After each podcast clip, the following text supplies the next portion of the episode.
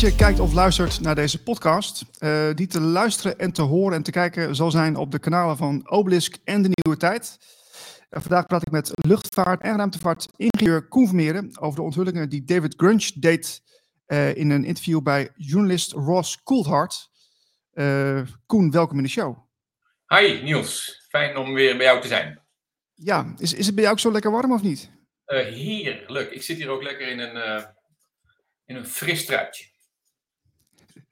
Heel goed. Uh, we gaan het vandaag hebben over de onthullingen van de klokkenluider David uh, Grush uh, van afgelopen week. Jij hebt het ook nauwlettend gevolgd, zag ik op jouw Twitterkanaal. Um, hij, is, hij is dus voormalig officier van de Amerikaanse luchtvaart en heeft gewerkt als ambtenaar bij de inlichtingendienst. Dus niet zomaar iemand, zou je kunnen zeggen. Um, ik ga eerst even beginnen met een fragment van hem, want hij was te zien bij News Nation. Flying objects. Video evidence, if you will, that old tales of UFOs may not all be conspiracy theories. In recent years, Congress starting an official U.S. government unidentified aerial phenomena task force, recently renamed the All Domain Anomaly Resolution Office, or ARROW. And now, in a News Nation exclusive, David Grush, an Air Force veteran, former member of that task force, and veteran of the National Geospatial Intelligence Agency, is formally blowing the whistle on secrets he says no one has ever shared publicly before. You are one of the most trusted former intelligence officials in the US defense and intelligence establishment. Yes, I was. You were trusted with the most intimate secrets. Yes. Grush sitting down with award winning investigative journalist Ross Coulthart, who's reporting for News Nation and has spent years reporting on the UFO question. What conclusion did you come to at the end of your time on the UAP task force? Uh, the UAP task force was refused access to um, a broad crash retrieval program. When you say crash retrieval, what do you mean? Uh, these are retrieving non-human origin uh, technical vehicles, you know, call it spacecraft if you will, non-human, exotic origin vehicles that have either landed or crashed. We have spacecraft from another species. We do, yeah. How many? Quite a number. You're kidding. No. I thought it was totally nuts, and I thought at first I was being deceived. It was a ruse. People started confiding in me. They approached me. I have plenty of current former senior intelligence officers that came to me, many of which I knew almost my whole career, that confided in me they were a part of a program. They named the program. I've never heard of it. And they, they told me, based on their oral testimony, um, and they provided me documents and other, other proof. Ja, inmiddels een bekend fragment. Uh, als je dit nou zo ziet, uh, Koen, wat, uh, wat, wat denk je dan? Ja. Ja, misschien valt dat zwaar tegen voor je, Niels, maar ik vind dit één groot theater. Um, ik vertrouw dit voor geen cent. Um, ze zijn al jaren bezig om ja, de mensheid enigszins voor te bereiden op uh, iets groots. En iedere keer krijg je weer van ja, ja, we hebben nou, ja, we weten het niet. Het is, ja, het is, uh, ja, het is niet van deze wereld. Hè. Ze zeggen dus niet buitenaards. En um, we hebben dat in 2017 voor het eerst relatief toch wel heel groot gezien. Uh, in december 2017 bij CNN en Times. Uh, en dan, dan praat je dus over de grootste mainstream media, podia. Die dus kwamen met die tic-tacs. Dat zijn die kleine snoepvormige ufo'tjes bij de uh, Amerikaanse vliegdekschepen. Die ze in de jaren 2014-15 hebben gezien en gefilmd. En waar ze dan ook achterna hebben gezeten met hun meest geavanceerde vliegtuigen. En daar kwamen toen op dat moment uh, piloten aan, aan het woord, zou je kunnen zeggen. En ook weer iemand uit zo'n geheime UAP-onderzoeksgroep. Ehm, Allemaal super geheim. En in één keer komen ze ermee naar buiten. Nou, 2017 is alweer bijna zes jaar geleden. En nou hebben we er dus weer een. En je, je, je voelt aan alles in dit kleine fragment wat je liet zien, is dat het een soort theater is. Hè? Uh, er wordt een beetje omheen gedraaid, wordt allemaal interessant gedaan. En er wordt allemaal gezegd voor oh, poe, en oh, en, en, ze moeten dus heel veel laten zien hoe geloofwaardig deze mensen zijn. En dus hebben in de geheime dienst en voor het leger en, en ook die journalist. Die, hè, die is al jaren bezig met onderzoek enzovoorts. Nou, dan, dat moet je al een gevoel geven. Nou, nou gaat het komen. Uh, ook de hele mimiek, de uitstraling van de mensen, het lachen wat ze doen. Uh, het is theater. Het is puur theater. Dat wil niet zeggen dat ik weet waarvoor dit precies gedaan wordt. Maar dat er iets gaande is, is heel duidelijk. Uh, maar ik ben hier dus even heel kort samengevat niet van onder de indruk. Hmm, Oké. Ja, wat, wat natuurlijk wel opvalt, is dat er wel vaak moet benoemd worden van uh, wat voor uh, hoge posities die deze meneer ja. heeft gehad. Hè? Dat, dat, dat, vind ik wel heel erg ja, naar voren komen. Um, en ik, ik denk ook, wat ik ook wel opvallend vond, sowieso om, om de media überhaupt eventjes onder de loep te nemen. Um, ja. je, je ziet dus ook dat het uh, niet massaal wordt gedaan. Hè? Je, je, ziet dus een aantal kanalen, zoals eerst de Huffington Post begon met een artikel. Uh, toen vervolgens The Guardian even later. Telegraaf met een videootje, weer een dag later. En, en zo in, in, voor mij in, de, in, in Engeland nog een paar outlets. Maar, maar niet, het wordt niet massaal opgepakt. Dat vind ik heel opvallend.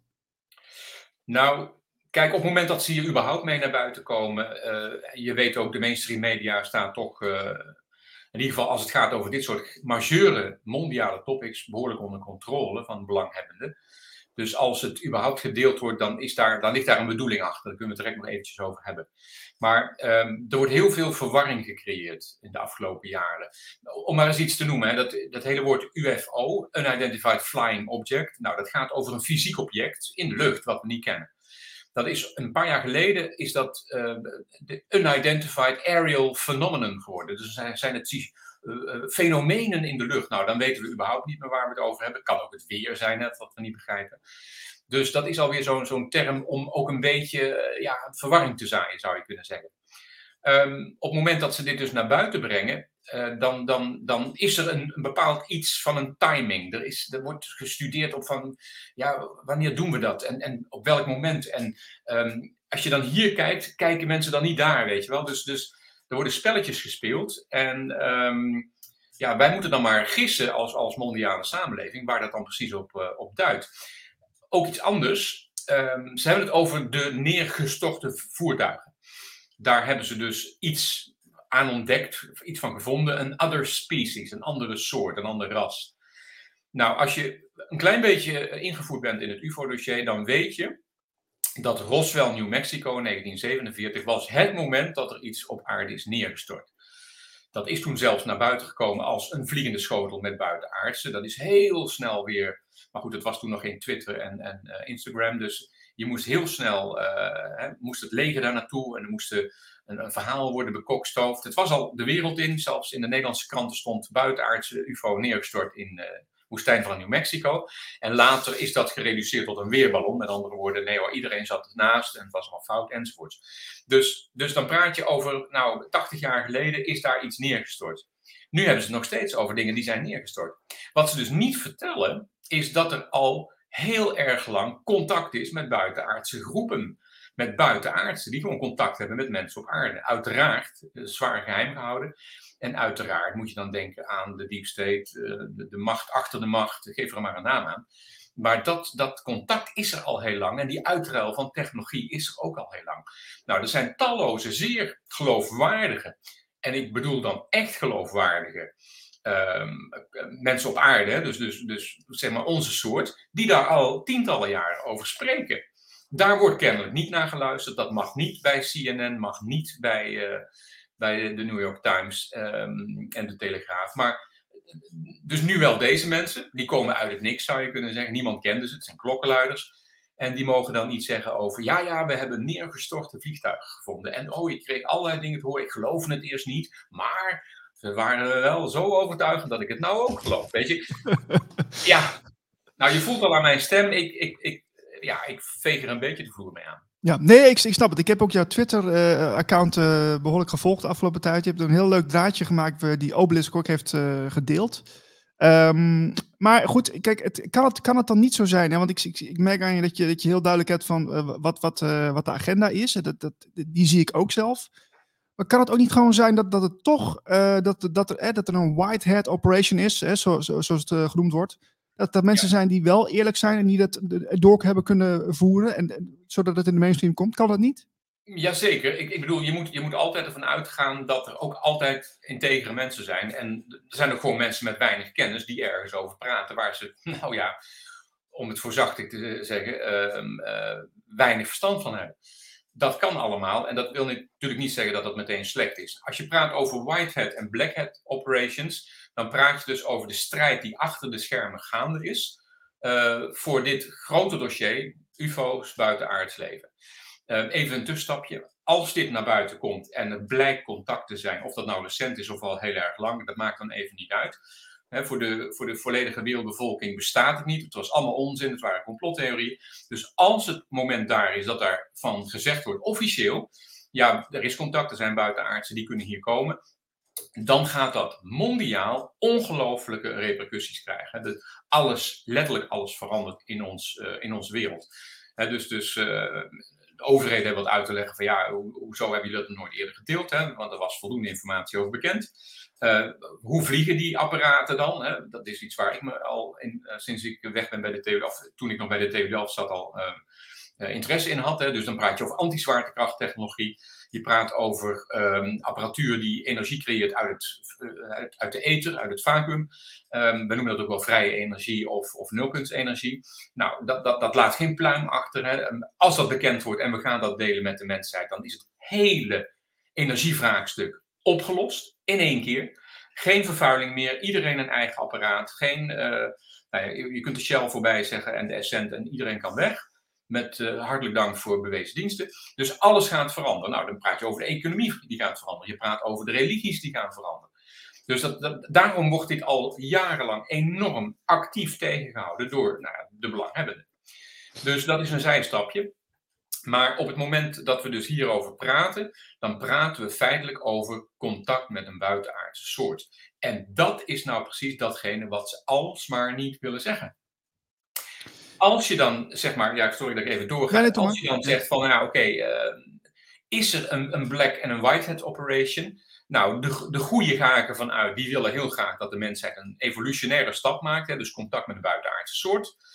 Uh, we kunnen er allemaal iets bij voorstellen dat we dan hè, een, een, totaal ander beeld van het universum krijgen. We kunnen technologie uitdelen, inzichten en kennis uitdelen. Uh, uitwisselen moet ik zeggen. En dan, dan gaan we dus een nieuwe stap in uh, voor de mensheid dat is positief. De, de whiteheads die willen dat heel graag, want dat lost heel veel mondiale problemen op. Nou, de blackheads, dat zijn dan de belanghebbenden, die willen dat niet. Die willen uh, monopolieposities, die willen heel geld verdienen. Die willen de baas zijn van deze hele planeet. we noemen dat ook wel de New World Order of de Great Reset. Nou, daar gaat het dan om. Die willen dat niet. Dus die strijd is gaande, maar de meeste mensen zien dat niet. Dus positief en negatief. Nou, hoe zouden de blackheads dit kunnen tegenhouden. Want miljoenen mensen zien UFO's. Er wordt al jarenlang over gesproken. Dit gaat een keer echt naar buiten komen. De vraag is continu geweest: wanneer? Blackheads willen dat niet. Uh, wat kunnen die nog doen? Nou, er is een heel bekend verhaal van een, een tientallen jaren geleden dat Werner von Braun, dat is eigenlijk een SS-officier die door de Amerikanen na de Tweede Wereldoorlog is meegenomen. Ik noem het maar altijd oorlogsbuit. En die heeft daar het raketprogramma van de Verenigde Staten opgetuigd. Uiteraard waren dat militaire raketten voor atoomwapens. Maar hij mocht dan ook de raketten bouwen voor het Apollo-project, waarmee we dan zogenaamd naar de maan zijn geweest. Nou, die man heeft op zijn sterfbed gezegd, en die wist natuurlijk behoorlijk veel, want die sprak met presidenten. En ik neem aan geheime diensten, hoge militairen. En die heeft gewaarschuwd, het, eigenlijk de wereldbevolking gewaarschuwd van luister, ze gaan een aantal dingen doen. Hè. Dat heeft onder andere te maken met het communisme, met het uh, internationaal terrorisme, maar uiteindelijk willen ze de wereldbevolking onder één wereldregering brengen door middel van angst, angst voor buitenaardse, die ons zouden gaan aanvallen. Dat heet ook wel in, uh, in termen Blue, uh, Project Bluebeam. Ja. En dat is eigenlijk hele grote projecties die holografische grote ruimteschepen gaat projecteren in onze hemel. En uh, nou ja, dan gaat de regering, hè, de, de, Verenigde Naties, dan zeggen: oh, oh, we worden aangevallen en oh jee toch, en nou moeten we ons verdedigen, want we hebben nu een gemeenschappelijke vijand. En we moeten samenwerken, want anders dan verliezen we het van de buitenaardse. Nou, dat is de laatste troefkaart, werd wel gezegd, voor de black hats om de wereld te misleiden en onder één regering te brengen, wereldregering. Nou, die strijd, daar zitten we nou naar te kijken. Zou het kunnen zijn, is dan de vraag, dat dit uh, dat deze whistleblower, dat deze klokkenluider, een podium krijgt om de wereld weer een klein beetje een stapje verder te brengen in die richting. Want in 2017 waren het nog eh, UAP's, hè, we wisten allemaal niet wat het was. Het waren tic-tacs, ze waren niet van ons, waren ook niet van de Russen en de Chinezen. Maar, nee, dat woord buitenaards, dat viel niet. Het was off-world. Ja, wat is dat, hè? Off-world. Ja, dat, dat, ja, dat blijft een beetje, beetje vaag zo, hè? Ik bedoel, het is ja. en blijft vaag. En ze willen het dus niet zeggen. Dat was overigens, denk ik, ook een psychologische operatie. Ook wel een psy opgenoemd. Ik denk dat dit het ook is. Natuurlijk moeten we de komende tijd even gaan afwachten. Maar ik denk wel dat hier een speltje gespeeld wordt. En de vraag is, wie gaat het uiteindelijk winnen? Uh, ik denk dat de, de, good guys gaan winnen, de, de whiteheads gaan winnen. Dus het kan ook best wel zijn dat zij dit aansturen. Hè, zodat mensen zoals ik, die een klein beetje iets meer uh, al langer in dit dossier zitten, denken van nou, nou uh, moet ik onder de indruk zijn. Ik ga wel weer eens een podcast beginnen. um, ja, het, ik, ik, kan er heel veel over vertellen, maar daar komt het in feite op neer. Maar dan heb je wel een overzicht van hoe je hier naar moet kijken. Je moet heel voorzichtig zijn hiermee. Ja, maar een, een indicatie zou natuurlijk wel kunnen zijn, want uh, dat, daar heb ik ook al mensen over gehoord, van nou, de, de, als het dan slechte aliens zouden zijn, hè, als ze daarover beginnen, dan kun je denken van, hé, hey, wacht even, dit, uh, dit gaat even een duidelijke richting op. -hmm. Nou, dat is een bekend uh, verhaal. zijn, zijn de buitenaardsen nou kwaadaardig of zijn ze goedaardig? Um, daar heb ik het heel veel over gehad. Ik heb pas een, een boek vertaald van Elena Danaan, Geschenk van de Sterren. Zij heeft inmiddels vier boeken geschreven. Er zijn er nu twee uit in het Nederlands. En de andere twee komen volgende week uit. En ja, ik moet je zeggen, ik ben van haar buitengewoon onder de indruk. Uh, even heel kort haar verhaal. Zij is als negenjarig meisje, ik denk dat ze nu ergens in de vijftig is. En misschien beledig ik haar nu, maar dat denk ik. Um, ze is als jong meisje is ontvoerd, als negenjarig meisje. Ontvoerd door buitenaards. Nou, er is een heel dossier over buitenaardse ontvoeringen. Daar kunnen we een hele podcast aan besteden. Ik heb daar in het begin nooit veel aandacht aan besteed, omdat ik het buitengewoon vervelend en naar dossier vond. Maar in de tussentijd heb ik er wat meer over geleerd. En uh, dat is een heel serieus dossier. En het overkomt ook gewone mensen. Nou, Elena Danaan was niet bezig met deze terminologie. Als je praat over een negenjarig meisje. Uh, is ontvoerd door slechte buitenaardse. Die is geïmplanteerd, er zijn experimenten mee gedaan. En die is uh, daarna uh, geholpen door goede buitenaardsen. Nou, klinkt een beetje als een science fiction roman. Um, oppervlakkig gezien is het dat ook. En je mag het wat mij betreft ook zo lezen. Maar ik denk dat dit serieus gebeurd is. En daar, zijn veel, daar is veel aanleiding voor om dat te, te veronderstellen. Nou, wat is er met haar gebeurd? Zij is vanaf het moment dat ze dus opgevangen is, is ze dat implantaat verwijderd. En ze heeft toen andere technologie uh, gekregen, waardoor zij met buitenaardsen, met haar eigen groep zou je kunnen zeggen, want ja jongens, dit dossier raakt alles in de wereld, echt alles. Um, zij, zij is eigenlijk hier als meisje geïncarneerd vanuit een, wat je noemt, sterrenzadengroep. Dat zijn buitenaardsen die incarneren in een lichaam op aarde. Uh, overigens geldt dat voor de meeste van ons, denk ik. Um, en daar heeft ze continu contact mee. En in de loop der jaren, ze heeft een hele carrière gehad, ook als Egyptoloog. Ze is in, bij opgravingen geweest in, in Cairo, bij Giza enzovoort. Is een heel normaal leven geleid. En in de tussentijd werd dat steeds belangrijker voor haar. En is zij uh, letterlijk geïnformeerd over wat er allemaal precies achter de schermen speelt. En zij heeft in dat eerste boek over Geschenk van de Sterk, een bladzijde openslaan, heeft zij dus, um, omdat zij ook kunstenares is, uh, heeft zij dus ook um, in totaal zo'n 110 buitenaardse soorten die bemoeienis hebben met onze planeet Aarde, heeft zij ook getekend. Ze heeft beschreven waar ze vandaan komen, wat hun interesse is met onze planeet, hoe lang ze er al zijn. Enfin, een, heel, wow. een hele encyclopedie, echt heel bijzonder. Ja. Waarom neem ik dat serieus? Want ja, er zijn wel eens meer mensen die wat getekend en, en uh, verhalen hebben verzonnen. Dan zou je even moeten googlen op Paul Hellier. Paul Hellier is um, voormalig ingenieur, lucht- en ruimtevaartdeskundige en piloot, maar ook minister geweest van Canada voor Defensie. Hij is onlangs gestorven in 2021. Hij is 98 geworden. Ik heb hem twee keer gesproken persoonlijk. En uh, ik was zeer onder de indruk van hem. Ik vind hem heel integer. Hij is heel ge gepassioneerd en gemotiveerd. Hij was woedend op de Amerikanen. Jarenlang dat ze hun dossiers niet hebben geopend over UFO's en buitenaardse. Paul Hellier. Um, die heeft een keer op een in, in een interview gezet, gezegd voor televisie mainstream media. We hebben al contact met 80 buitenaardse soorten. Was, het, nou, op de mainstream media, uh, Koen? Ja, ik, ja, dat was de mainstream media, maar volgens mij Russia Today of zo. Oké. Okay. Want uh, in het Westen werd dat niet getoond, maar de Russen zijn daar wat verder mee. Um, uh, hij, ik, ik, ik, neem hem echt serieus. Hij heeft een staat van dienst, hij heeft boeken geschreven, ik heb zijn boeken gelezen. Uh, ik, ik, weet met wie hij gesproken heeft, uh, we hebben goed uitgewisseld. als hij het al heeft, nou dat zal tien jaar geleden zijn geweest, over 80 buitenaardse soorten, dan vind ik het niet raar dat er misschien een paar bij zijn gekomen in de tussentijd. We leven wat dat betreft in een hectische tijd, misschien wel zelfs wel een eindtijd. Dus, dus dat, dat sluit op elkaar aan. Ik heb meer mensen ontmoet met zware dossiers in het UFO-dossier. Um, al die, die zaken vullen elkaar aan. Hè? Want niemand heeft het totale plaatje, want het is enorm. Uh, Elena die komt dan als persoonlijk ervaringsdeskundige met weer nieuwe informatie, ook de meest actuele. Haar boeken zijn van de afgelopen drie jaar. Um, ja, ik ben zeer van, onder de indruk en um, ik, ik ga er niet vanuit dat alles wat erin staat waar is. Dat kan ook niet, want dan zou je dat moeten gaan bewijzen. En daar heb je dan de wetenschap onder andere voor. Nou, er wordt geen onderzoek gedaan naar UFO's, zoals je weet. Hè, want er wordt vanaf het begin af aan gezegd, dat is onzin. Dat er uh, honderdduizenden professionals in de lucht- en ruimtevaarttechniek, praat je over piloten, militairen, hoge militairen ook, maar ook lage.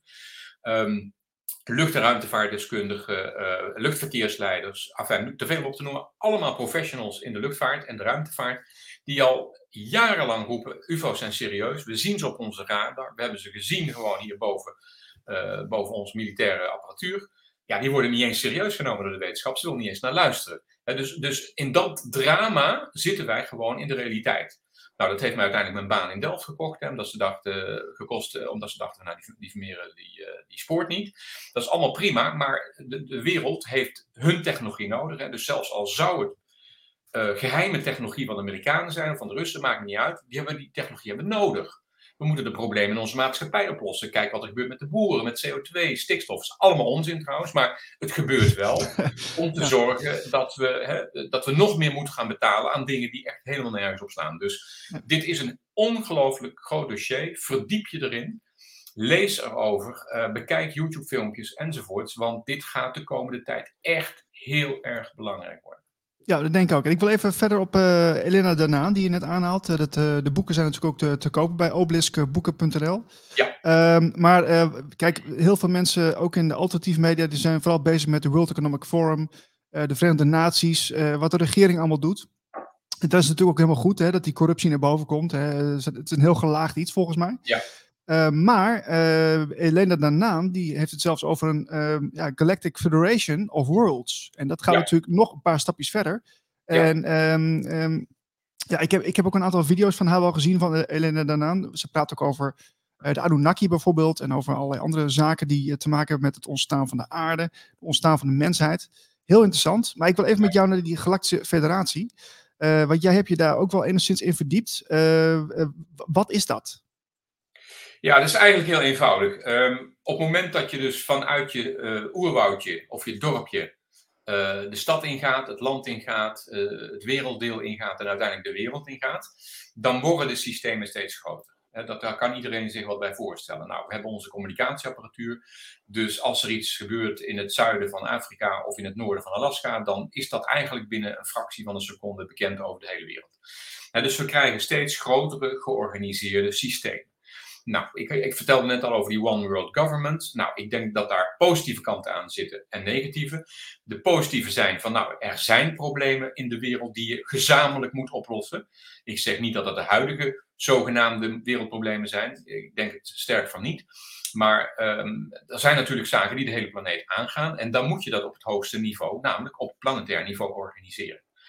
Um, als je dat nog verder uit gaat zoomen, dan, dan praat je over het zonnestelsel. Nou, je kunt je voorstellen dat als er iets met de zon aan de hand is, dat ook uh, bewoners van Venus, Mars, Uranus en Jupiter daar last van hebben. Dus die zouden zich ook kunnen uh, assembleren, zou je kunnen zeggen. Ga je nog verder, dan zitten we in een hoekje van, van onze galaxis, van het sterrenstelsel, de Melkweg. Nou, die hebben ook belangen bij elkaar en noem maar op. En, en zo gaat het steeds verder. Kijk, als je natuurlijk alsmaar op je postzegeltje blijft zitten kijken, ja, dan bestaat dat allemaal niet. Maar als je uitzoomt, dan is het in ieder geval logisch. Hè? Dan is het een gedachteoefening die logisch is. Nou, de Galactische Federatie van Werelden, dat gaat weer een stapje verder. Dat is een samenwerkingsverband van diverse buiten, wat wij dan noemen buitenaardse soorten. Je zou kunnen zeggen rassen, intergalactische rassen. Die met elkaar zeg maar, een verband zijn aangegaan. Waarom? Uh, voor wat ik ervan begrepen heb, is er ook een gemeenschappelijke vijand, namelijk degene die ook, waar wij ook op deze planeet last van hebben. Nou, dat gaat voor de meeste mensen al heel ver, dus ik denk dat sommigen nu maar de podcast moeten beëindigen. of even moeten skippen naar een stuk verder. Maar um, ja, hier, hier raak je werkelijk de problematiek van de huidige wereldse zaken waar wij last van hebben. We hebben op de aarde, we noemen dat de elite, de deep state. Dat is eigenlijk, als je er onderzoek naar gaat doen, een, een, een buitenaardse factie die duizenden jaren geleden al onze wereld geïnfiltreerd heeft. Achter de schermen is gebleven, maar wel aan touwtjes trekt. En onder andere experimenten heeft gedaan met primaten die toen al op de wereld waren. En die hebben ze gekruist met uh, hun eigen, wat wij dan noemen, buitenaardse DNA. Nou, voor sommige mensen gaat dat heel ver, maar als je de Bijbel leest, staat dat er letterlijk. De Bijbel praat over de Elohim, dat is niet God, dat zijn namelijk de goden. Nou, vanuit het primitieve gedachtegoed zijn mensen die van een andere planeet komen, dat moeten wel goden zijn, want wij konden dat niet. Wat hebben die gedaan? Die hebben het gedaan met de meisjes van de aarde, die ze aantrekkelijk vonden. Dat staat gewoon in de Bijbel. En in het boek Enoch, uh, wat niet in de Bijbel terecht is gekomen, maar uit dezelfde tijdstand. Daar staat letterlijk, hebben ze het over de Nephilim. De Nephilim zijn de reuzen. Nou, we hebben reuzenskeletten gevonden op deze planeet. Hè. Daar praten we niet te veel over, want dat geeft een beetje reuring in onze evolutionaire geschiedenis en het Darwinistisch gedachtegoed. Maar die reuzen, die waren er gewoon. Nou, wat is het doen van, van de goden uh, met de meisjes van de aarde? Die goden waren groot, de meisjes van de aarde waren klein. Als je daar iets mee doet, dan wissel je DNA uit. En dat kun je ook vertalen als een genetisch experiment. Nou, dat gaat heel erg ver. Daar kun je trouwens heel veel in vinden. Uh, in de literatuur, uh, maar dat wordt weinig besproken. Nou, die buitenaardse factie is er nog steeds, maar die is buitengewoon vervelend. Uh, die neemt de mensheid niet serieus, die, uh, die, die, hebben geen empathie, die vinden ons niks. En we zijn nu in tussentijd met te veel, dus wij moeten zoveel mogelijk weg en wij moeten onder controle gebracht worden. En vandaar ook die controlesystemen, die One World Government. Nou, daar kun je ook bij Elena Danaan heel veel bij lezen, maar ook bij mensen als David Icke, Marcel Messing, noem maar op. Um, gigantisch verhaal. Als je, um, als je echt wil begrijpen waar het op deze planeet op dit moment over gaat, moet je je daarin verdiepen. Dus die Galactische Federatie, ik kom terug op jouw vraag, die Galactische Federatie van Werelden, dat zijn eigenlijk de good guys. Uh, die willen eigenlijk ook dat het kwaad niet bestaat. Hè. De, de oorlog in de hemelen, waar ook de oude geschriften over spreken, die is gaande. En daar heb je de good guys en de bad guys. Ik hoor graag bij de good guys, eh, want ik vind dat iedereen een fijn leven moet hebben, niet vermoord moet worden, niet in een oorlog gestuurd moet worden. Dat we alles met elkaar eerlijk delen. Hè, dat we niet heel veel armen hebben en maar een paar extreem rijken. Dat, dat past allemaal niet. Dat voelt iedereen ook eigenlijk wel aan. Hè, als God dan bestaat, dan, dan creëer je geen schepping waarin zoveel ongelijkheid bestaat. Nou, die ongelijkheid is gecreëerd en dat kan opgelost worden. En daar wordt voor gestreden. Um, die Galactische Federatie van Werelden strijdt tegen een andere factie. Die de tegenovergestelde ook wel de duivelse krachten uh, vertegenwoordigt. En die strijd is keihard, dat kan ik je vertellen. Um, daar zien wij maar heel weinig van. Maar wat we ervan zien is al buitengewoon onfris en onaangenaam. Ja, en als we dan de, aan de strijd uh, zeg maar in de hemelen spreken, uh, ja. over, over de good guys en de bad guys, moet ik dan echt denken aan uh, Star Trek-achtige tafereelen? Ja. Of? Ja. ja, absoluut. Er wordt keihard gevochten. En dat gaat, uh, dat gaat, uh, dat gaat niet zachtzinnig. Uh, Star Trek, overigens, goed dat je dat noemt. er zit Hollywood, en dan praat je over de filmwereld, de filmindustrie in zijn algemeenheid, is in handen van de belanghebbenden. Al heel erg lang. ik weet uit andere dossiers dat Hollywood in de jaren 50, toen het boven Amerika dermate druk werd met UFO's, dat de bevolking, de Amerikaanse bevolking, letterlijk zei van ja, daar klopt iets helemaal niks van. Want we zijn in oorlog met Noord-Korea, uh, uh, dus, dus op het Koreaanse uh, Schiereiland. En daar sneuvelen dus piloten in oorlogshandelingen. Maar boven Amerikaans grondgebied sneuvelen meer piloten met, met testvluchten dan, dan boven Korea. Nou, wat feitelijk aan de hand was, is dat piloten boven Amerikaans grondgebied achter UFO's aanvlogen. En daarbij verongelukt. Zo. Toen is Hollywood okay. gevraagd, dat is goed, de, de, de, dikke boeken over geschreven. Toen is Hollywood gevraagd door de Deep State: van als jullie nou uh, uh, films gaan maken over buitenaards en UFO's en zo, dan kunnen wij gewoon de bevolking rustig houden. Zeggen, ja, nee, fantasie staat op hol, science fiction, dat komt uit film. Hè. Ehm, dat is letterlijk gebeurd. Hè? Dus, dus ehm, nou, die, die, die, traditie is door Hollywood natuurlijk voortgezet. Hè? ook dat Project Bluebeam, dat zit bijvoorbeeld in Independence Day. belangrijke films, blockbusters heet dat dan. En miljoenen mensen hebben dat gezien, die waren onder de indruk. En dat zit allemaal in, ons, ja, in onze databank. Hè? Als wij straks die enorme luchtschepen zien, dan denken we, oh jee, het gebeurt dus echt. Want je bent Ja, maar dat is, dat is natuurlijk echt de hardste, de, de heftigste vorm van mind control waar je het over hebt. Hè? Dat, dat, je mensen echt zo in een loop houdt van, uh, dit is de werkelijkheid. Hè? Ja, ja, en kijk naar Netflix en andere platforms, Amazon. Uh, wat zie je daar met name? Nou, science fiction, buitenaardse. Meestal de nare buitenaardse. Het zijn altijd degenen die ons willen komen terroriseren, willen overnemen enzovoort.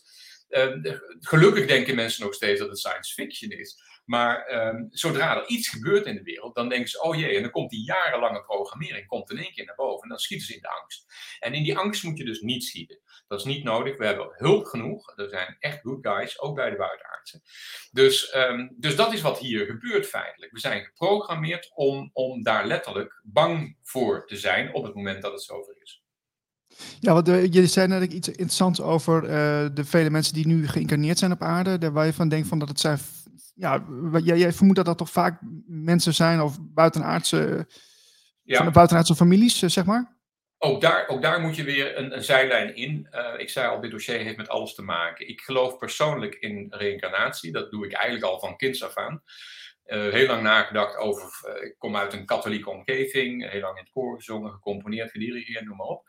Um, ik vind dat vanuit de culturele hoek vind ik dat fantastisch. Ik zat niet zozeer in de religieuze hoek, moet ik zeggen, maar uh, ik ken het gedachtegoed heel goed. En, maar ik heb altijd het meeste gevoeld van jongs af aan bij de reïncarnatie. Waarom? Omdat het meer beantwoorden aan logica. Ik heb natuurlijk ook een ingenieursbrein en ik wil dat dingen logisch zijn. Kijk, als je natuurlijk geboren wordt en er gebeurt iets in je leven, je maakt fouten, nou dat doen we allemaal. En daar zou je voor gestraft worden in de hel, voor de rest van eternity, hè, voor de eeuwigheid, amen. Of je bent goed uh, en je gaat naar de hemel voor de eeuwigheid, amen. Het slaat nergens op, hè. dat is onzin. Bovendien een God die wil dat je, dat je op de knieën gaat en dat je hem dienst, uh, diensten verricht, godsdiensten. Dat vond ik ook niet logisch. Dus reïncarnatie. Oké, wat is dan reïncarnatie? Nou, dan moet je naar de boeddhisten, de hindoeïsten enzovoort, dan moet je daar gaan zoeken. Nou, dan blijkt dat daar ook in die tradities enorme verhalen zijn over buitenaardse beïnvloeding. Daar staan de boeken vol van. Vimana's zijn gewoon buitenaardse voertuigen. Er is gewoon voor je. Ik bedoel, er gaan werelden voor je open. Nou, wat is de bedoeling geweest van de Rooms-Katholieke Kerk? Uh, bij de, met name natuurlijk de verlichting, hè, want toen is de wetenschap één hoek uitgegaan en, en het, het geloof en de geestelijkheid de andere hoek. Dat moest bij elkaar komen, dat moet weer bij elkaar komen, want het een kan niet zonder en het ander kan, ja, dat, dat, is, dat is onlosmakelijk met elkaar verbonden, spiritualiteit en, en kennis en wetenschap. Maar in ieder geval, de paus kreeg dan zeg maar de gelovigen mee. En uh, nou, die had daar zijn eigen verhaal over. En de wetenschap ontkent spiritualiteit en, en, en goddelijkheid. Dus uh, nou, daar zit je dus in een materialistisch wereldbeeld waar je niets meer begrijpt. Je kunt dus geen touw meer aan vast te knopen. Nergens slaat iets op. Dus, um, dus dat, dat, die reïncarnatie is van groot belang. Nou, waarom zeg ik dat? Uit, uitstapje. Als je niet begrijpt dat wij dus ook incarneren, niet op een planetair systeem, waarbij we duizend keer maar ook dat we daarna, hè, beschouw het maar als een leerschool aarde, dat we daarna weer naar een andere leeromgeving gaan, omdat wij eeuwig leven uh, als ziel en eeuwig uh, blijven leren. Nou, dat is prima. Uh, vraag me niet om dat dan weer uit te leggen waarom dat bestaat. Want ja, dat gaat ook mijn horizon voorbij. maar um, dat is wel waar we eigenlijk vanuit zouden moeten gaan. Op dat moment is het ook logisch dat als een planetaire samenleving hulp nodig heeft, in welke vorm zou je dat dan doen? Nou, je hebt technologie, zou je kunnen zeggen. Dat zijn dan die voertuigen. Nou, die hebben wapens en, en teleportatie en weet ik allemaal niet wat. En die kunnen van alles. Die uh, ze hebben mensen met veel kennis en wijsheid. Uh, maar de reïncarnatie van de ziel vindt ook plaats. Waarom zou je ook niet uh, sterrenzaden op een planeet laten kiemen? Nou, waar gaan die dan in? Die gaan in de reïncarnatiecyclus. Hè? Die worden geboren als mens, want die moeten ook als mens functioneren. Uh, nogmaals, als, dit voor het eerst, als je dit voor het eerst hoort, dan denk je, nou ja, stop er maar mee. Maar ja, jongens, hier zijn bibliotheken over volgeschreven. Maar daar worden wij in onze westerse opleidingen nooit mee in contact gebracht. Nee, precies. Ik heb nog even een ander vraagje, wat me even te binnen schiet. Um, want het, uh, Lynn Danaan heeft dus uh, veelvuldig contact met, met een, uh, een heer Velnek, volgens mij, zeg ik uit mijn hoofd. Valtor. Of Valtor, sorry. Valtor, ja. Ja, en dat is dus haar contactpersoon. Uh, ook ook een, een, ja, een interdimensionaal uh, figuur, laat ik maar even zo zeggen. Ja. Uh, maar um, wat ik dus wel begrepen heb, is van wat ik, wat ik weet van, van dat soort informatie, is dat wij als mensheid mogen eigenlijk niet geholpen worden in, in dit proces. Hmm. en dan zie ik wel dat zij dus contact heeft en dus nu toch invloed uitoefent op wat er Ja. nu gebeurt. Dus waarom, waarom mag zij dat dan wel doen? Goeie vragen, Niels. Ja, ik bereid me wel eens voor, jongens. Ja, dat is heel erg goed. Nou ja, we raken wel heel veel e- eh, extreem belangrijke punten. Oké, iedereen die de serie Star Trek heeft gezien, ehm, en ik vind daar zelf eh, Voyager vind ik persoonlijk de mooiste. Het is dan wel al wat nieuwere serie, maar hij is ook heel spiritueel. Met andere woorden, behalve dat schieten eh, en, en dat reizen en in contact komen met buitenaardse soorten, eh, wordt er ook heel veel kennis gedeeld over, nou ja, noem, als je zeg maar niks hebt met het woord spiritualiteit, noem het dan maar ethiek. Een extreme vorm van ethiek. Nou, dan, dan krijg je te horen in die serie Voyager de Prime Directive. Dat is de eerste richtlijn. Dat is niet de tweede of de twintigste richtlijn. Nee, dat is de eerste richtlijn. Wat is de eerste richtlijn? Is dat je je niet bemoeit met andere soorten die minder geëvolueerd zijn dan jij. Ik vertaal dat altijd heel simpel naar huis. Stel je voor, we vinden een, een stam die wij dan primitief noemen in het oerwoud van eh, de Amazone. En die zien we dan in één keer en dan gaan we een helikopter naar beneden. En dan zeggen we, nou weet je wat jongens, eh, dat met die speren en zo, dat is allemaal een beetje primitief. Hier heb je Kalasnikovs en een, eh, en een, een paar mitrailleurs enzovoorts. Weet je, dat is allemaal veel handiger. Weet je, nou, dan voelt iedereen eigenlijk al van, ja, dat, dat moet je niet doen. Dat wordt een bende daar. Ik bedoel, die mensen zijn daar niet aan toe. Overigens zijn wij er ook niet aan toe, maar dat is een ander verhaal. Ehm, dat is de eerste richtlijn. Dan mag je dat dus niet doen. Nou, wat zou dat in onze situatie betekenen? Nou, hè, want eh, er wordt wel eens gezegd van waarom grijpen ze niet in, hè, die buitenaardsen? Waarom, eh, waarom landen ze niet zomaar? Nou, wij zijn letterlijk, eh, sorry dat ik het zeg, maar wij zijn een primitieve soort. Kijk wat we doen. We vernietigen de oceanen. We kappen de oerwouden. We maken overal oorlog. We stoppen overal gif in. Eh, wij zijn een primitieve soort. Wij sporen gewoon niet. En ik praat even niet voor mezelf. Ik hoop dat ik een klein beetje spoor af en toe. Maar, en er zijn ook een hoop mensen die, eh, die ik ken, die, waarvan ik vind dat ze ook best sporen. Maar als planetaire samenleving doen wij het niet erg slim. In de tussentijd vinden we wel dat we naar de maan moeten of naar Mars of zo, weet je wel. Nou, dat is dus niet de bedoeling. Wij zijn letterlijk gewoon pubers in de, eh, in de oudjaarsnacht die met hele tassen met kanonslagen bushokje, bushokjes aan het opblazen zijn. Wij zijn primitief. Nou, wij moeten dus een stap in onze evolutie maken door te zien dat spiritualiteit belangrijk is en dat alles wat je doet, dat je dat moet refereren aan, eh, aan een hoger evolutionair bewustzijn. Nou, dan ga je dus bepaalde dingen niet meer doen. Geen oorlog voeren meer bijvoorbeeld. Of, of dieren eh, met miljarden in hokken stoppen en dan afslachten. Dat, dat, dat doe je dan dus niet meer. Nee, nee. Nou, waarom grijpen ze niet in? Ze grijpen niet in omdat ze dat niet mogen. Er is dus, noem het maar, galactische wetgeving, waar ook zij op worden afgerekend. Hè. Als ze die wetten overtreden, dan zijn er sancties. Ik laat even in het midden wie ze af, eh, afrekent daarop, maar dat, dat is wat ze dus niet mogen. Maar, en dan komt er een hele grote maar, want jij vroeg van waarom heeft zij nu contact en waarom verandert zij dus dingen in onze planetaire samenleving? Ja. Dat heeft met iets heel groots te maken en dat, is, dat zijn de kosmische cycli. Eh, alles in de kosmos is cyclisch. En we hebben kleine cycli, dat is de dag, hè, dus de dag- en nachtritme. Je hebt het jaarlijkse cyclus, maar je hebt ook het platonische jaar. Hè, je hebt cycli van duizenden jaren, dat bijvoorbeeld onze zon, ons zonnestelsel, door die galaxis, door het sterrenstelsel beweegt. En dan komen we in bepaalde gebieden van verhoogde of verlaagde straling en noem maar op. Dus we hebben, enorm, we hebben te maken met enorme cycli, die voorbij onze menselijke cyclus gaan, hè, want dat is ongeveer 80 jaar. Nou, we komen dus letterlijk aan het einde van een kosmische eh, cyclus. En dat betekent dat er dingen gaan veranderen. Dan moeten er dingen gaan veranderen. Op het moment dat dat niet gebeurt, bijvoorbeeld met Atlantis, hè, als de mensheid op dat moment niet klaar is voor de volgende stap, dan kunnen er ook cataclysmen gebeuren. Nou, we weten van Atlantis, wat voor de meeste mensen nog een soort eh, mythisch verhaal is, maar uitstekend door Plato beschreven, ook de andere, eh, dat land is gewoon eh, overspoeld. Hè. Er zijn zondvloeden geweest en die hebben alles op de planeet vernietigd. Uh, er wordt ook wel eens gezegd dat is een great reset geweest. Hè. De, technologie van Atlantis, die heel ver was, hoogstaande beschaving, was niet ingebed in spiritualiteit. En dat was de goden, of de buitenaardse, of noem het maar even de baas daarboven. Was dat een doorn in het oog. En die heeft toen gewoon met de vloed letterlijk alles met de grond gelijk gemaakt. En toen zijn we min of meer opnieuw begonnen. Het is nu niet de bedoeling dat dat nog een keer gebeurt. Dus ondanks dat onze planetaire technologie, die ik intussen tijd, ik ben Delftenaar heel mijn leven daar geweest, die ik, uh, ik noem onze technologie op dit moment op de planeet suicidaal. Suicidaal voor de mensheid. Alles wat we doen is fout. Er deugt niks van. Dat wil niet zeggen dat, we, dat een auto verkeerd is of een mobieltje enzovoorts. Maar de grote lijnen die we aanleggen, dat is vooral dat we alles laten betalen door de wapenindustrie. Dat zijn ontwikkelingen. En op dit moment zijn we bezig met nanotechnologie, ook in ons lijf, met die spuitjes. We zijn bezig met implantaten. Eh, we zijn bezig met robotisering. De mens moet ook gerobotiseerd worden. En we zijn bezig met artificial intelligence, waar op dit moment al alle, alle grote uh, geleerden van zeggen dat is suicidaal voor de planeet, want die gaat de boel gewoon overnemen. Overigens denk ik dat dat de bedoeling is hè, van, de, van de belanghebbenden. Maar mensen met een normaal uh, wenselijk uh, DNA, die vinden dat geen goed idee.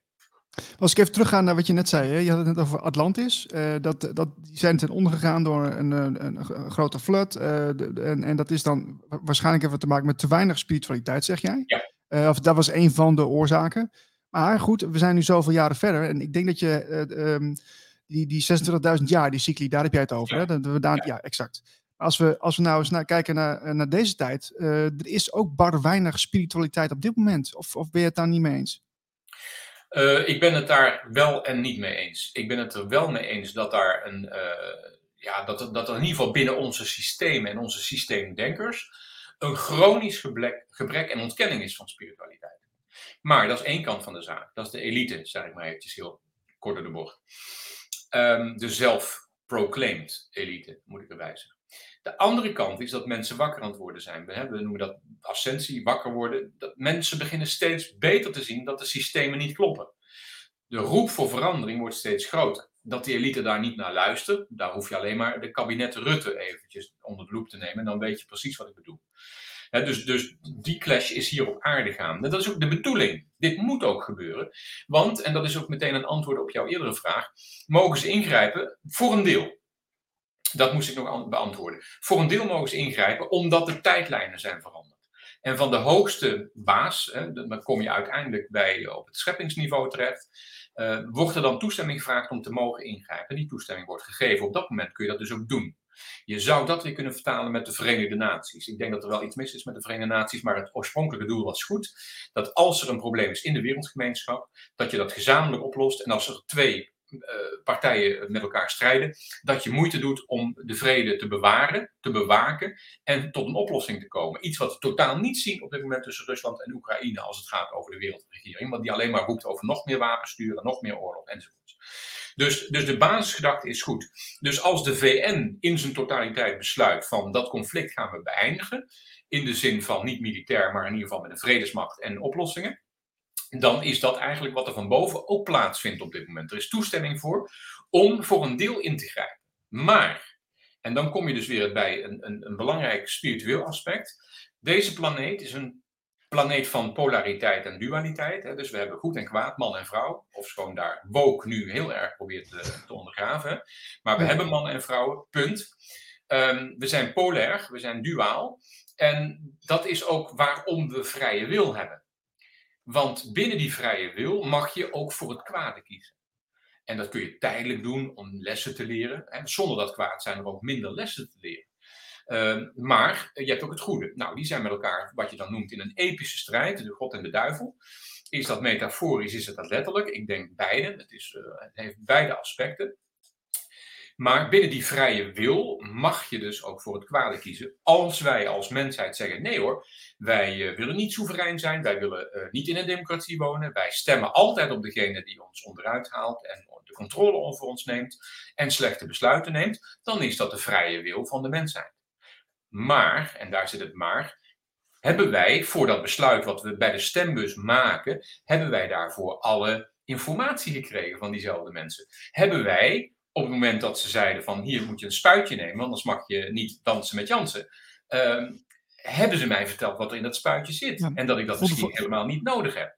Nou, ja, dat hebben context. ze niet gedaan. Sorry. Ja. Voldoende context, wou ik zeggen, ja. Ja, dus, dus dat is informed consent. Nou, als ze dat dus niet geven, dan begaan zij een galactische een goddelijke scheppingswet, die overtreden ze dan. En dan mag er dus, kennelijk, ik ga daar niet over, maar dat hoor ik, dan mag er ingegrepen worden. En in dat stadium zitten, zitten we, omdat de tijdlijnen vernauwen zich. Er is steeds minder tijd voor nou ja, de grote uh, eindfase waar we in zitten. Dus, dus vandaar dat ook mensen zoals een Elena daarna, zij is niet de enige, er zijn er meerdere geweest in allerlei tijdperken, maar is zij nu een van de, noem het maar ambassadeurs, die ons uh, letterlijk gewoon informeert over wat er aan de andere kant gebeurt. Zij mag ook niet alles vertellen. In het begin mocht ze dingen niet vertellen, die later wel in haar boeken uh, zijn verschenen, omdat er toen kennelijk voldoende uh, was gebeurd waardoor die informatie naar buiten mocht. Maar zij wordt ook begeleid door een aantal mensen die al heel lang in het UFO-dossier zitten. je kunt ook controleren dat er in het mainstream nieuws ook bepaalde informatie naar buiten komt. Die wat zij voorspeld heeft, of al aangaf dat er gebeurd was, dat dat ook inderdaad gebeurd is. Dus um, um, ja, er is heel erg veel gaan. Het is buitengewoon interessante tijd waar we in zitten. Absoluut. Uh, Koen, we gaan even naar een promotiepraatje. Want ik heb heel veel boeken hier uh, liggen van Obelisk. Die wil ik even toelichten. Dit is uh, UFO's officieel erkend van Bart Uitenhagen. Ook te bestellen bij obeliskboeken.nl. je haalde het net al even aan. Ehm, het boek over vrije energie. Nou, die hebben we natuurlijk ook. energie in overvloed van Karsten van Osdonk, Asdonk, moet ik zeggen. Heel interessant boekje, leest makkelijk weg. En jij kent hem ook persoonlijk, hè? Ja, het is een heel erg leuk verhaal. Karsten heeft gestudeerd in Eindhoven aan de TU. Um, in 2018 heeft hij mij een mailtje gestuurd omdat hij daar een, een klein filmpje had op laten nemen een soort TED-talk uh, bij het Studium Generale van Eindhoven. Dat ging over Nikola Tesla en vrije energie. En hij stuurde me dat door en hij zei van, god, ik zou graag eens een keer met u, uh, met u afspreken. Nou, dat hebben we gedaan uiteraard, want uh, mensen op een universiteit, een technische universiteit die openstaan voor vrije energie, wat altijd ontkend is door de stoom- en machinedeskundigen, um, is natuurlijk gewoon een pareltje. Dat is een van die nieuwe tijdskinderen, mag je wel zeggen. Ik heb hem daarna gestimuleerd van, joh, ga er eens over schrijven. Maak eens een boekje voor jouw collega's op de universiteit zodat ze ook kennis van het gedachtegoed kunnen nemen. Dat heeft hij gedaan en uh, ik heb daar een beetje aan meegewerkt, voorwoord geschreven. En ja, dat is heel erg leuk. Dat, dat doet het goed. Hij geeft overal lezingen. En het is een heel positief verhaal. En, en heel kort, ja, nogmaals, vrije energie gaat al onze problemen oplossen op deze planeet. Die, die onbestaande problemen zijn. Want ik noem altijd, als je nou gelooft in God, of in de schepper, of in het universum, Denk je dan dat met al die sterren overal, hè, het enorme universum, dat dat gebaseerd is op schaarste of gebaseerd is op overvloed? Nou, vandaar ook het woord uh, energie en overvloed. Ja, natuurlijk, er is alleen maar energie. Alles is energie. En het is overal. En uh, je moet het alleen, zeg maar, vanuit een dimensie in de jouwe zien te krijgen. En of dat nou een dimensie onder de aarde is en je noemt het olie of kolen, of je noemt het ether en je haalt het uit de dimensie van, van de tijdruimte. Uh, je hebt een klein apparaatje nodig om het in jouw uh, dimensie uh, te gebruiken. Nou, dat heet vrije energie. Nikola Tesla is daarmee begonnen en nog veel meer pioniers. En dat is altijd tegengehouden. En dat moet naar buiten. Dat moet absoluut naar buiten. Ik, ik, ik had een paar jaar geleden ook al een ander boek gelezen van Gene Manning en Joel Garben. die heb ik hier. Dat is ook Vrije Energie, ook een heel goed boek. Waarin ja. nou, ook, ook, heel veel verschillende pioniers in staan die al heel lang bezig zijn. Er gaat echt heel veel terug. Hè? Soms al honderd jaar terug van mensen die al bezig zijn met met waterstof en, en met allerlei ja. andere technologieën. Ja. Uh, en ja, die soms ook op mysterieuze wijze zijn uh, overleden. Dat is uh, weer een andere kant van het verhaal. Ja. dus dus bestel ze bij obeliskboeken.nl. En dan tot slot nog even jouw boek. Want ik heb het nog niet gelezen, moet ik eerlijk zeggen. Maar het is een dikke pil tegen ja. geluid. Ja. Dat is deze. Ja. Um, ja, dit is, ja, ik, denk, ik ga hem even tussendoor doen. Even een promotiepraatje. Want het is voor ons natuurlijk ook leuk om even te doen. Um, we gaan even verder met het volgende. Um, even kijken hoor.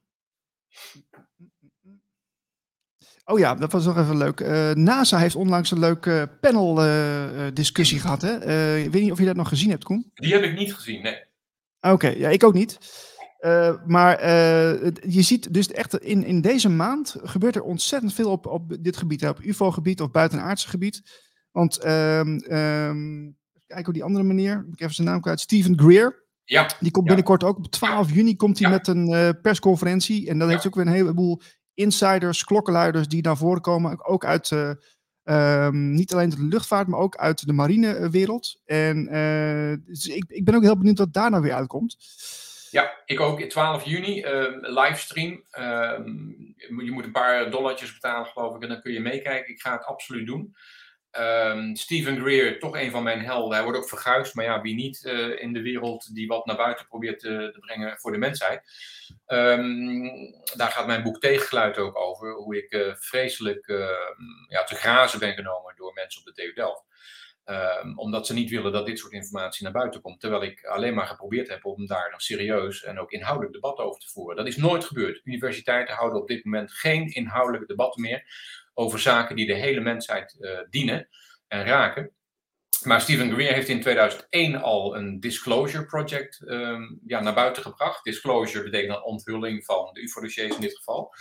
Uh, dat 2001 mei was zeer belangrijk. Hij had bijna 500, nou ja, noem het maar whistleblowers al verzameld. En met een man of twintig heeft hij daar toen een persconferentie mee uh, gehouden.